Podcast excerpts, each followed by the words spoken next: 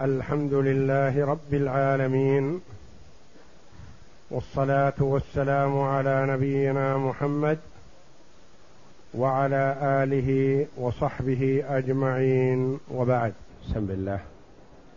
بسم الله الرحمن الرحيم. قال المؤلف رحمه الله تعالى فصل ويجوز بيع العبد المرتد لأنه مملوك منتفع به. وخشية هلاكه لا تمنع صحة بيعه كالمريض. فإن علم المشتري حاله فلا شيء له لأنه راض راض بيعه راض بعيبه. وإن لم يعلم فله الرد أو الأرش قتل قتل أو أسلم كالمعيب. المؤلف رحمه الله تعالى يتكلم عن ما يجوز بيعه وما لا يجوز بيعه. أي أن الشيء الذي هو حلال ينتفع به يجوز بيعه. وما كان محرما أو نفعه محرم أو اقتناؤه محرم فإنه لا يجوز بيعه. يقول رحمه الله فصل ويجوز بيع العبد المرتد. تقدم قوله يجوز بيع العبد والأمة صغيرا كان أو كبيرا. وبينا سبب الرق والعبودية هذه أن سببها الكفر. فابن آدم يسترق بسبب كفره وذلك إذا جاهد المسلمون الكفار وانتصروا عليهم بإذن الله. وأسروا من أسروا منهم واستولوا على من استولوا عليه من نسائهم وأولادهم من بنين وبنات. فإن هؤلاء يكونون ارقا بأيدي المسلمين. هذا هو الرق الشرعي. سببه الكفر. وإلا فمن أسلم قبل أن يستولى عليه لا يسترق فيكون سبب رقه الكفر ثم يدعى إلى الإسلام. وإذا أسلم فلا يتحرر وإنما يتحرر بما رغب فيه الشرع من أمور العتق تقربا إلى الله جل وعلا. كفارة عن قتل الخطأ يعتق رقبة فإن لم يجد فصيام شهرين متتابعين. كفارة عن الظهار. إذا ظاهر المرء من زوجته وأراد أن يعود ويرجع فتلزمه الكفارة أولها عتق رقبة. جامع في نهار رمضان. وهو صائم. لا يباح له الفطر يكفر عن هذا بعتق رقبة. فحث الشارع على العتق وشرع أمورا تسبب الحرية لهؤلاء الأرقاء. فهذا الرقيق يملكه المرء يتصرف فيه يبيعه يستخدمه. إن كان أمة يجعلها فراشا له يزوجها وتخدمه وهكذا. فالرقيق يجوز بيعه. رقيق مرتد عن الإسلام. هل يجوز بيعه أو لا؟ قال يجوز بيعه. لأنه رقيق. والمرتد عن الإسلام يدعى إلى الإسلام يستتاب فإن تاب وإلا قتل. إذا قد يقول قائل كيف يجوز بيعه وهو يحكم بقتله؟ نقول يجوز بيعه لعله يتوب ويسلم. لعله يعتق. ثم ينجر الولاء إلى ذريته من بعده فيجوز حينئذ بيعه لكن يجب أن يعلم المشتري أن هذا العبد مرتد لأنه قد يكون العبد عند رجل كلفه وشق عليه وأتعبه. فيرتد عن الإسلام يريد أن يهرب فيقبض عليه. ثم إن سيده قد يعرضه للبيع. فيأتي الرجل الصالح الداعي إلى الله جل وعلا يقول لعل الله أن يهديه إلى الإسلام على يدي. أنا أشتريه لأن سيده سيبيعه برخص لأنه عبد مرتد عن الإسلام وقد يحكم بقتله. فيقول الآخر أنا أشتريه لعل الله أن يهديه للإسلام بسبب حسن معاملتي إياه. فيجوز بيعه. لكن بشرط أن يعلم المشتري هذا العيب لأن هذا عيب. ولا يجوز أن يغش فيه لأن النبي صلى الله عليه وسلم قال من غش فليس منا وفي رواية من غشنا فليس منا. لأنه مملوك منتفع به وخشية هلاكه لا تمنع صحة بيعه لأن المرء قد يشتري شيئا مريضا وهذا يتوقع أنه إن لم يتب قتل فلا مانع. فإن علم المشتري حاله فلا شيء له.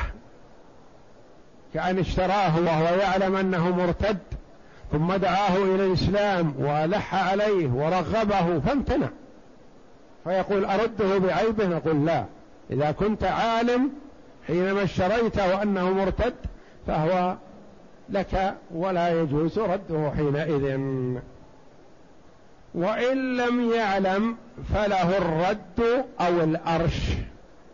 إذا لم يعلم اشتراه على أنه عبد فلان مسلم فإذا به مرتد. نقول للمشتري أنت بالخيار. إن شئت ترده فلك ذلك. وإن شئت أن تأخذ الأرش والأرش هو الفرق بين قيمة عبد مسلم وعبد مرتد. قال مثلا هذا الرقيق يساوي عشرة آلاف حينما كان مسلما لكن لما ارتد لا يساوي إلا ألفين. فنقول لك الأرش. إن شئت أن ترده وتأخذ القيمة وإن شئت أن تأخذ العرش الفرق بين قيمته مسلما وقيمته مرتدة ثمانية آلاف تأخذها ويبقى عندك بألفين. وإن لم يعلم فله الرد أو الأرش قتل أو أسلم كالمعيب. حتى وإن قتل استتيب فلم يرجع. ثم حكم الحاكم بقتله وقتل. فيأتي المشتري يقول أنا ما علمت أنه مرتد. أنا ما أشتري مرتد. والآن قتل في ملكه. فيعطى الفرق بين قيمته مسلما وقيمته مرتدا كالمعيب. مثل المعيب أي سلعة فيها عيب وتلفت. فإنها تتلف على من هي بيده وله أرش قيمة عيبها. ويصح بيع العبد الجاني عمدا أو خطأ على النفس أو ما دونها لأنه حق تعلق برقبة غير متحتم فأشبه القتل بالردة. ويصح بيع العبد الجاني عمدا أو خطأ على النفس أو ما دونها. عبد عند سيده جنى على شخص آخر فقتله أو ضربه فجرحه. هل يجوز بيع هذا العبد الجاني؟ نعم يجوز. نقول كيف يباع؟ وقد قتل وسيقتل. نقول إن قتله محتمل وليس بيقين لأنه قد يعفو المجني عليه وقد يرضى بالدية أو بشيء ما يقنع فيبقى العبد عند سيده الذي اشتراه. فيجوز بيعه وإن كان جاني وسواء كانت جنايته في النفس يعني كأن قتل شخصا أو ما دونها جرح شخصا. لأن إن قتل فهو مثل المرتد الذي قلنا يقتل لردته. وإن لم يقتل فالأرش تعلق برقبته. نقول لسيده أنت بالخيار إن شئت أن تسدد الأرش الذي عليه هذا مقابل الجناية وإن شئت نبيع الرقيق ونسدد لصاحب الجناية حقه مما يستحق ونعطيك الباقي. عليه جناية قدرت بخمسة آلاف. نقول للسيد تدفع الخمسة يبقى الرقيق لك. ما تدفع الخمسة الخمسة بذمته برقبته. نحرج عليه ونبيعه. فإذا بعناه دفعنا الخمسة الآلاف لصاحب الجناية وأعطيناك باقي القيمة. نعم. فإن كانت الجناية موجبة للقصاص فهي كالردة. فإن كانت الجناية التي جنى فيها موجبة للقصاص مثلا رقيق عند زيد تعدى على رقيق مثله وقتله. هذا القتل موجب للقصاص إن طالب ولي الدم بالقصاص لأنه عبد بعبد. رقيق برقيق موجب للقصاص. هذا الذي توجه عليه القصاص يقول سيده لست في حاجة إلى مشاكل ومتابعة. أنا أبيعها الآن وأستريح من شره ومشاكله والذي يشتريه يتولى. نقول يصح بيعه يصح أن تبيعه وإن كان مطالب بقصاص لأنه قد يشتريه من يدفع مقابل القصاص ويبقى ولا يقتل.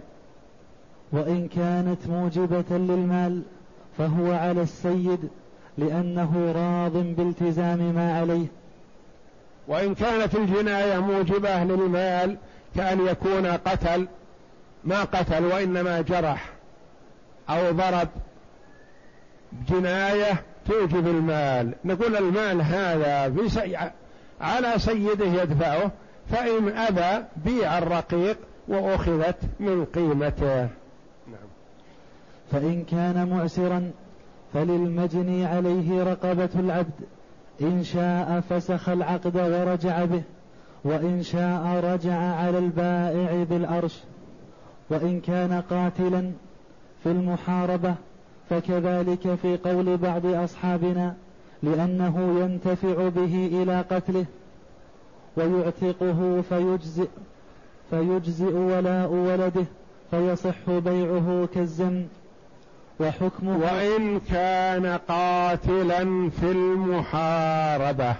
يعني أتى المؤلف رحمه الله بأحوال وقوع العبد في ردة أو في قتل أو جرح أو كان خرج محاربا من المحاربين.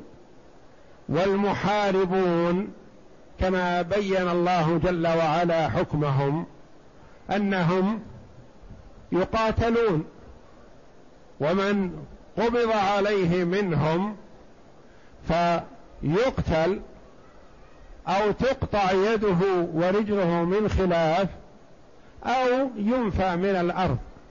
فإن كان هذا المحارب قد قتل فقد يتوجه عليه القتل.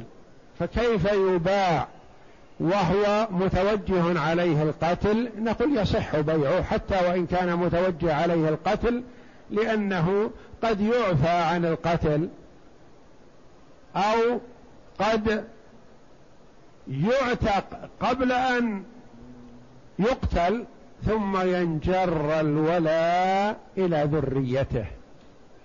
المحارب مسلم حتى وإن كان محارب فهو محكوم بإسلامه. فهو قبض عليه. وسيقتل مثلا مقابل ما قتل لأنه إن كان قتل فيقتل ولا يعفى عنه وذلك حق لله جل وعلا. في هذه الحال قبل قتله يصح أن يعتق لأن سيده يقول هذا سيقتل ولا نستفيد منه شيء. لكن إذا اعتقته إن جر الولاء لي على ذريته على أولاده. فيجوز أن يباع حتى وإن كان محكوما بقتله. نعم. مثل لو بيع المريض أو أعتق المريض اللي على فراش الموت يصح أن يعتق وهو على هذه الحالة. كذلك هذا الذي محكوم بقتله يصح أن يعتق. وحكمه حكم المرتد. وقال القاضي لا يصح بيعه لأنه متحتم القتل فلا منفعة فيه فأشبه الميت. يقول المحارب يقول القاضي أبو يعلى رحمه الله يقول المحارب الذي قتل هذا متحتم قتله. لأن قتله حق لله جل وعلا ما في مجال للعفو. ليس قتله قصاصا فنقول نقنع أولياء الدم بالتنازل والعفو أو طلب المال. لا هذا قتله محاربة فإن قتل قتل. فقتله متحتم يقول ما دام قتله متحتم فلا يجوز بيعه. القول الأول يقول يجوز بيعه لأنه كما يجوز بيع المريض الذي على فراش الموت وإعتاقه فكذلك يجوز بيع هذا الرجل الذي تحتم قتله. فصل. وفي بيع رباع مكة وإجارتها روايتان إحداهما يجوز لأن عمر رضي الله عنه اشترى من صفوان بن أمية دارا بأربعة آلاف واشترى معاوية, معاوية من حكيم بن حزام دارين بمكة ولأنها أرض حية لم يرد عليها صدقة محرمة فجاز بيعها كغيرها. والثانية لا يجوز لأنها فتحت عنوة ولم تقسم بين الغانمين. ولم تقسم بين الغانمين. فصارت وقفا على المسلمين فحرم بيعها كسواد العراق. والدليل على فتحها عنوة قول النبي صلى الله عليه وسلم إن الله حبس عن مكة الفيل وسلط عليها رسوله رسوله والمؤمنين وإنما أحلت لي ساعة من نهار. متفق عليه. وقالت أم هانئ. يا رسول الله إني أجرت حموين لي فزعم ابن أم علي أنه قاتلهما. فزعم ابن أمي يعني أخي. فزعم. فزعم ابن أمي علي. علي علي علي رضي الله عنه. فزعم ابن أمي علي أنه قاتلهما. فقال النبي صلى الله عليه وسلم قد أجرنا من أجرت. حديث. من أجرتي قد أجرنا من أجرت. حديث صحيح. وقتل ابن خطل. ابن خطل. ابن خطل ومقيس بن صبابة. ولو فتحت صلحا لم يجز قتل أهلها. في هذا الفصل يقول المؤلف رحمه الله تعالى وفي بيع رباع مكة وإجارتها روايتان عن الإمام أحمد رحمه الله. هل يجوز بيعها أو لا يجوز بيعها؟ قيل الرواية الأولى يجوز بيعها لأن عمر رضي الله عنه اشترى من صفوان بن أمية دارا بمكة بأربعة آلاف. ولو كانت دور مكة لا يجوز بيعها ما اشترى عمر رضي الله عنه من صفوان كان أخذها ولا ولا تباع. ولأن معاوية رضي الله عنه اشترى من حكيم بن حزام دارين.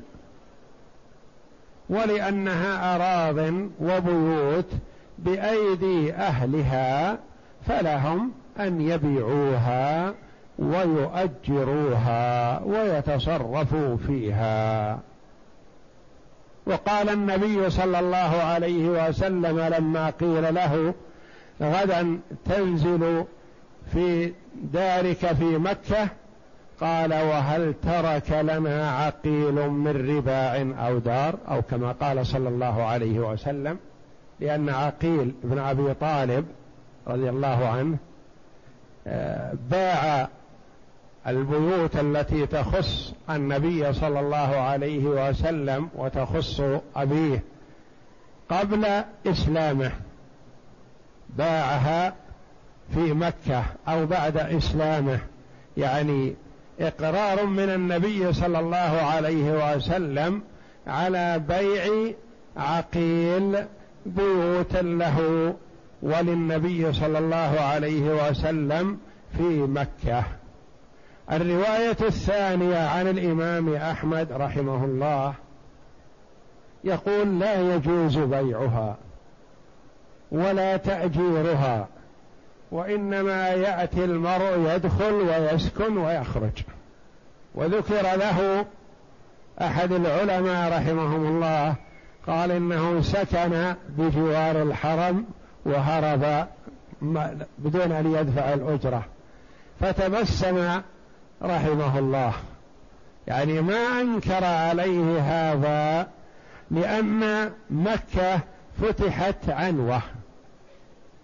وما دامت فتحت عنوة فهي لا يملكها أصحابها ولا غيرهم. هي صدقة. أقرها المسلم النبي صلى الله عليه وسلم جعلها صدقة للمسلمين. فلا تملك. والدليل على أنها فتحت عنوة ما أورده المؤلف رحمه الله تعالى.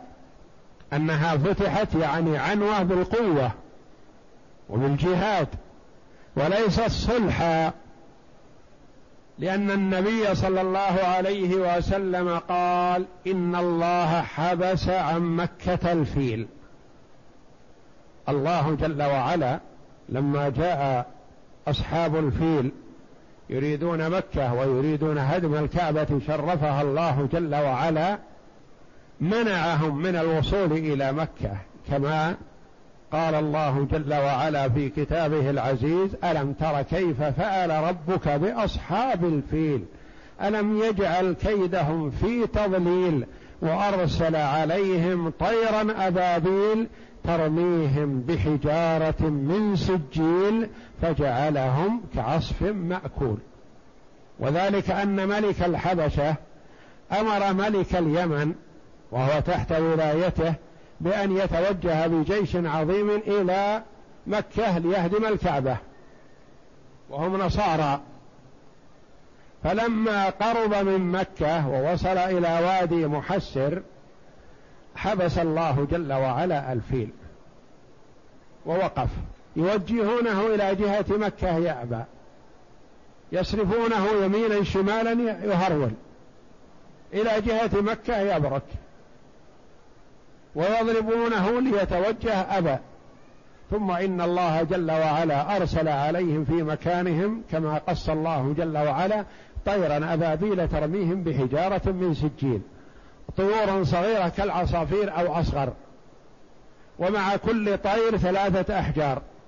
وكل حجر مكتوب عليه اسم صاحبه بإذن الله جل وعلا. فكل طير عصفور أو أقل من العصفور يقتل ثلاثة. بثلاثة الأحجار. تنزل ينزل الحجر فوق البيضة التي لا يخلقها الرصاص. كانوا يلبسون البيضة فوق الرؤوس حتى لا يتأثر المرء من ضرب الرصاص. الرصاصة ما تخرق البيضة هذه. هذا الحجر الصغير الذي يحمله الطير هذا بمخلبه أو بمنقاره يخرق البيضة ويخرق الرأس وينفذ في الجسد ويخرق الفرس التي تحته حتى يصل إلى الأرض وكلهم في مكانهم يموتون بساعتهم ولم ينجو من هذا الجيش العظيم إلا واحد. أراد الله جل وعلا له ذلك إلى وقت فهرب مسرعا إلى البلاد التي جاءوا منها وقص ما حصل لهم. وأخبر عما صار فلما انتهى من قصته جاءه حجره بإذن الله فمات في مكانه. والله جل وعلا يمتن على قريش بقوله ألم تر كيف فعل ربك بأصحاب الفيل؟ ألم يجعل كيدهم في تضليل؟ وأرسل عليهم طيرا أبابيل ترميهم بحجارة من سجيل من جهنم. فجعلهم كعصف مأكول جعلهم كورق دوسى بالأقدام. يابس حامد. ويقول الله فيقول النبي صلى الله عليه وسلم إن الله حبس عن مكة الفيل. لأن كل شيء بأمر الله جل وعلا. يريد توجيه الفيل إلى مكة ما يتوجه. وسلط عليها رسوله والمؤمنين. دل على أن دخول مكة بالقوة. تسليط من الله جل وعلا. أذن الله جل وعلا لرسوله صلى الله عليه وسلم في القتال بمكة. ولم يؤذن لأحد قبله ولا لأحد بعده عليه الصلاة والسلام. إنما هذه كرامة من الله جل وعلا له وإنقاذا لبيته من أيدي المشركين. وسلط عليها رسوله والمؤمنين وإنما أحلت لي ساعة من نهار. هذا الحديث متفق عليه. دل على أن مكة فتحت بالقوة. كذلك الحديث الآخر وقالت أم هانئ بنت أبي طالب أخت علي. رضي الله عنها وعن علي. يا رسول الله إني أجرت حموين لي لأن هذين الرجلين جاء واحتميا بأم هانئ لتأخذ لهما الأمان من النبي صلى الله عليه وسلم كأنها أغلقت عليهم الباب. وأن علي أخاها رضي الله عنه وأرضاه. قال هؤلاء كفار. ولا عهد لهم ولا ميثاق. يريد قتلهم. وتخاصمت مع أخيها ورفعت الأمر إلى النبي صلى الله عليه وسلم. فزعم ابن أمي يعني أخي وشقيقي أمي وأبي أبواه الذي هو أقرب الناس إلي. أنه قاتلهما. فقال النبي صلى الله عليه وسلم قد أجرنا من أجرت. أكرمها صلى الله عليه وسلم بأن أجار من أجارت أم هانئ بنت أبي طالب رضي الله عنها. فدل هذا على أن مكة فتحت عنوة. وقتل ابن خطل وهو متسابق هذا الشقي الذي أسلم ثم ارتد وقتل. والله النبي صلى الله عليه وسلم بعد إسلامه ولاية صدقة وقتل وهرب إلى مكة. فأهدر النبي صلى الله عليه وسلم دمه لما حصل منه من أذى وشقاوة عظيمة فقال يقتل وإن كان متعلق بأستار الكعبة فقتله أحد الصحابة رضي الله عنهم. ومقيس بن صبابة كذلك أمر النبي صلى الله عليه وسلم بقتله. قال ولو فتحت صلحا لما قتل هؤلاء فمكة فتحت عنه وهذا هو المشهور. وقيل فتحت صلحا لأن النبي صلى الله عليه وسلم قال من دخل دار أبي سفيان فهو آمن ومن أغلق عليه بابه فهو آمن ومن دخل المسجد الحرام فهو آمن. قالوا هذا شيء من الأمان أعطاه النبي صلى الله عليه وسلم لأهل مكة.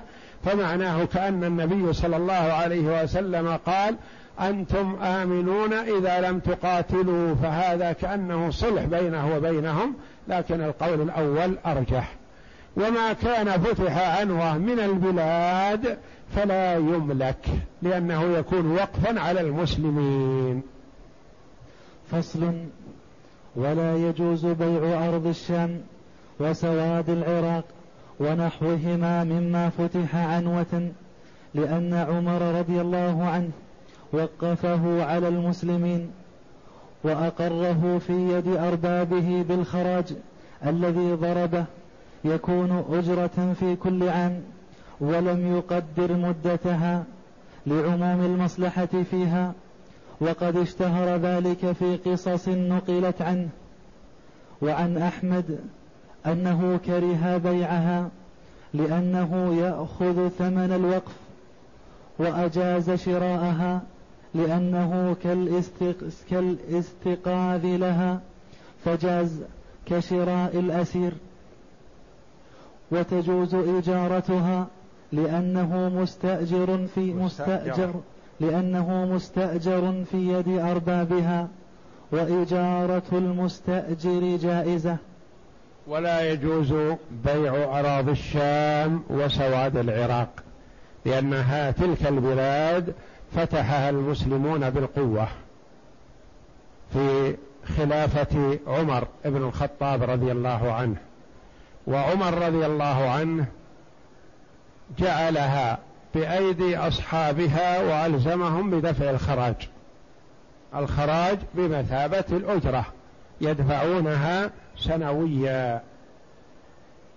ولم يقدر مدتها جعلها بأيديهم بدون تقدير مدة في كل سنة يدفع خراج هذه الأرض لعموم المصلحة. يقول وقد اشتهر هذا في زمن عمر رضي الله عنه وما بعده فلا يجوز بيعها. وعن أحمد أنه يجوز مع الكراهة يعني يكره بيعها. ورواية عن أحمد أنه يجوز شراؤها ولا يجوز بيعها. يعني إذا عرضت للبيع أن تشتري لكن إذا كانت في ملكك فلا يجوز لك بيعها لأنها بيدك بمثابة المؤجرة. تدفع أجرتها سنويا ما يجوز لك أن تبيعها. فأما المساكن في المدائن فيجوز بيعها لأن الصحابة رضي الله عنهم اقتطعوا الخطط في الكوفة والبصرة في زمن عمر رضي الله عنه وبنوها مساكن وتبايعوها من غير نكير فكان إجماعا. هذا بخلاف المساكن. قال المساكن يجوز بيعها لأن الصحابة رضي الله عنهم اقتطعوا الخطط يعني الأراضي وبنوها وتبايعوها فهو يبيع أنقاضه يبيع ما بنى وإلا الأرض وقف على المسلمين عموما. فالمساكن تختلف عن آه، الأراضي الزراعية ونحوها. فصل. قال أحمد لا أعلم في بيع المصحف رخصة.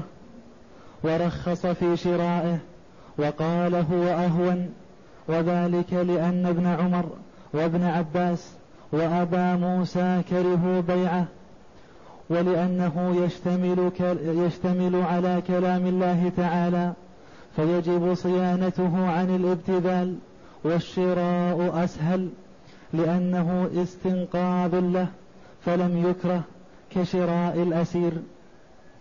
وقال أبو الخطاب يجوز بيعها مع الكراهة وفي شرائها وابتدالها روايتان قال أحمد رحمه الله لا أعلم في بيع المصحف رخصة. يعني لا أجيز أن, أن تباع المصاحف. لما؟ قال لأن بيع الشيء دليل الرغبة عنه أنك لا ترغب فيه ولا يجوز للمسلم أن يقول لا أرغب في المصحف.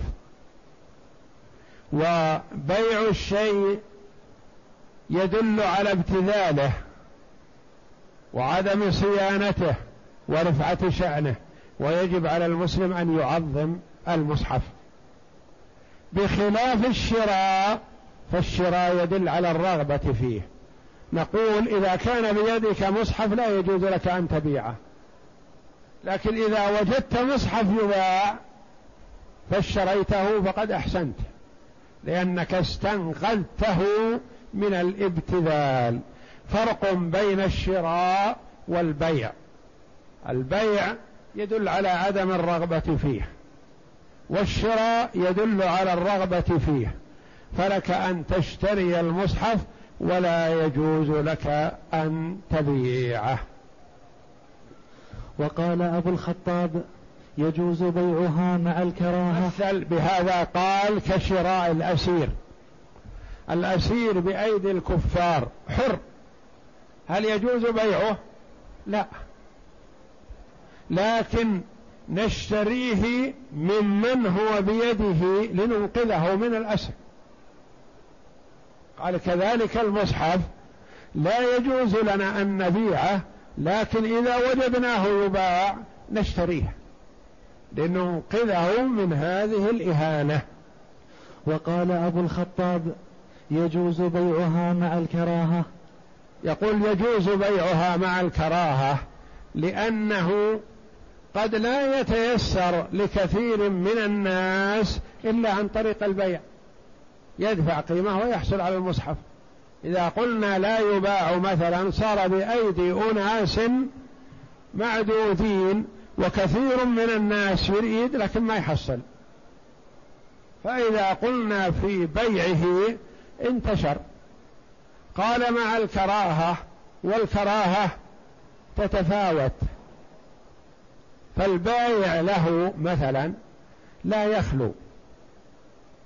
إن كان استورده وأتى به وطبعه لينشره وليكثره في أيدي الناس ولييسره بدل ما الواحد إذا احتاج إلى مصحف يروح مثلا للمطبعة يتفق معهم بكم يطبعون له المصحف وهكذا يشق عليهم. فهذا صاحب المكتبة يقول أنا ما قصدت بطباعة المصحف وبيعه المكاسب وإنما قصدت تيسيره للناس وتسهيله. نقول أنت مأجور إن شاء الله.